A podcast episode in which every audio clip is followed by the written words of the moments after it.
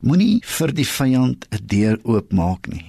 In Rigter 16 speel die besondere, maar tog ook hartseer verhaal van Samson af. Samson bekend met sy bonatuurlike krag, maar ook iemand met 'n natuurlike swakheid. Samson was 'n Nasareer. Hulle mag nie aan 'n lijk vat nie, geen wyn drink nie of hulle hare afskeer nie. Rigter 16 skop met Samson se geestelike toestand af. Hy leef immoreel, slaap rond, ontmoet Delilah, speel met versoeking. Hy verloor sy krag, hy beland in die tronk. Maar aan die einde van sy lewe verslaan hy weer die Filistyne en hy doen meer as wat hy in sy hele lewe kon vermag. Maar wat wil Rigter 16 ons leer? Eerstens, ek en jy moenie met versoeking speel nie. Samson was nie blind met Delilah se agenda nie. Hy wou net 'n speletjie met haar speel, iets soos kom ons kyk hoe ons hierdie raaisel van my kan uitbuit. Samson het geglo dat hy in elke situasie in beheer kan bly. Hy was lelik ontnugter.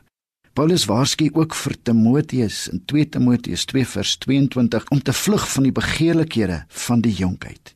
Toe Samson moes kies tussen vlug en flankeer, toe kies hy flankeer. Die uiteinde daarvan was skande en vernedering. As jy met versoeking speel, gaan jy altyd aan die verloor kant wees. Moenie jou blind staar teenoor die planne van die duiwel nie. 2 Korintiërs 2 vers 11 meld, want ons is nie met sy planne onbekend nie. Maar tweedens, Samson se krag het nie in sy fisiese vermoëns of talente gelê nie, maar in die Here. Dis 'n geestelike swakheid om te dink jy is sterk. Want Paulus waarsku immers, jy wat staan, pas op dat jy nie val nie. Dit is die Here wat jou krag gee. Dis die Here wat jou krag gee om te presteer. Kom ons onthou dit vroegtydig. Wat is die goed wat Rigter 16 vir ons wil leer? Eerstens, die vyand toon nie genade nie. Toe Samson se krag ontbloot is, het sy vyand sy oë uitgesteek, sy voete met koperkettinge gebind en hom soos 'n donkie laat meelmaal. Later is daarmee hom gespot. So werk die vyand ook met mense.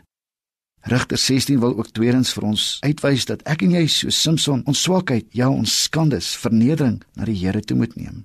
Bespreek dit sommer vandag met hom. Hy kan immers vir jou help. Aanvaar eienaarskap van jou swakhede en moenie ander mense daarvoor blameer nie. Maar Rigter 16 wys ook dat 'n krisis nie noodwendig 'n slegte ding is nie. Vele mense groei eintlik eers wanneer daar 'n werklike krisis is.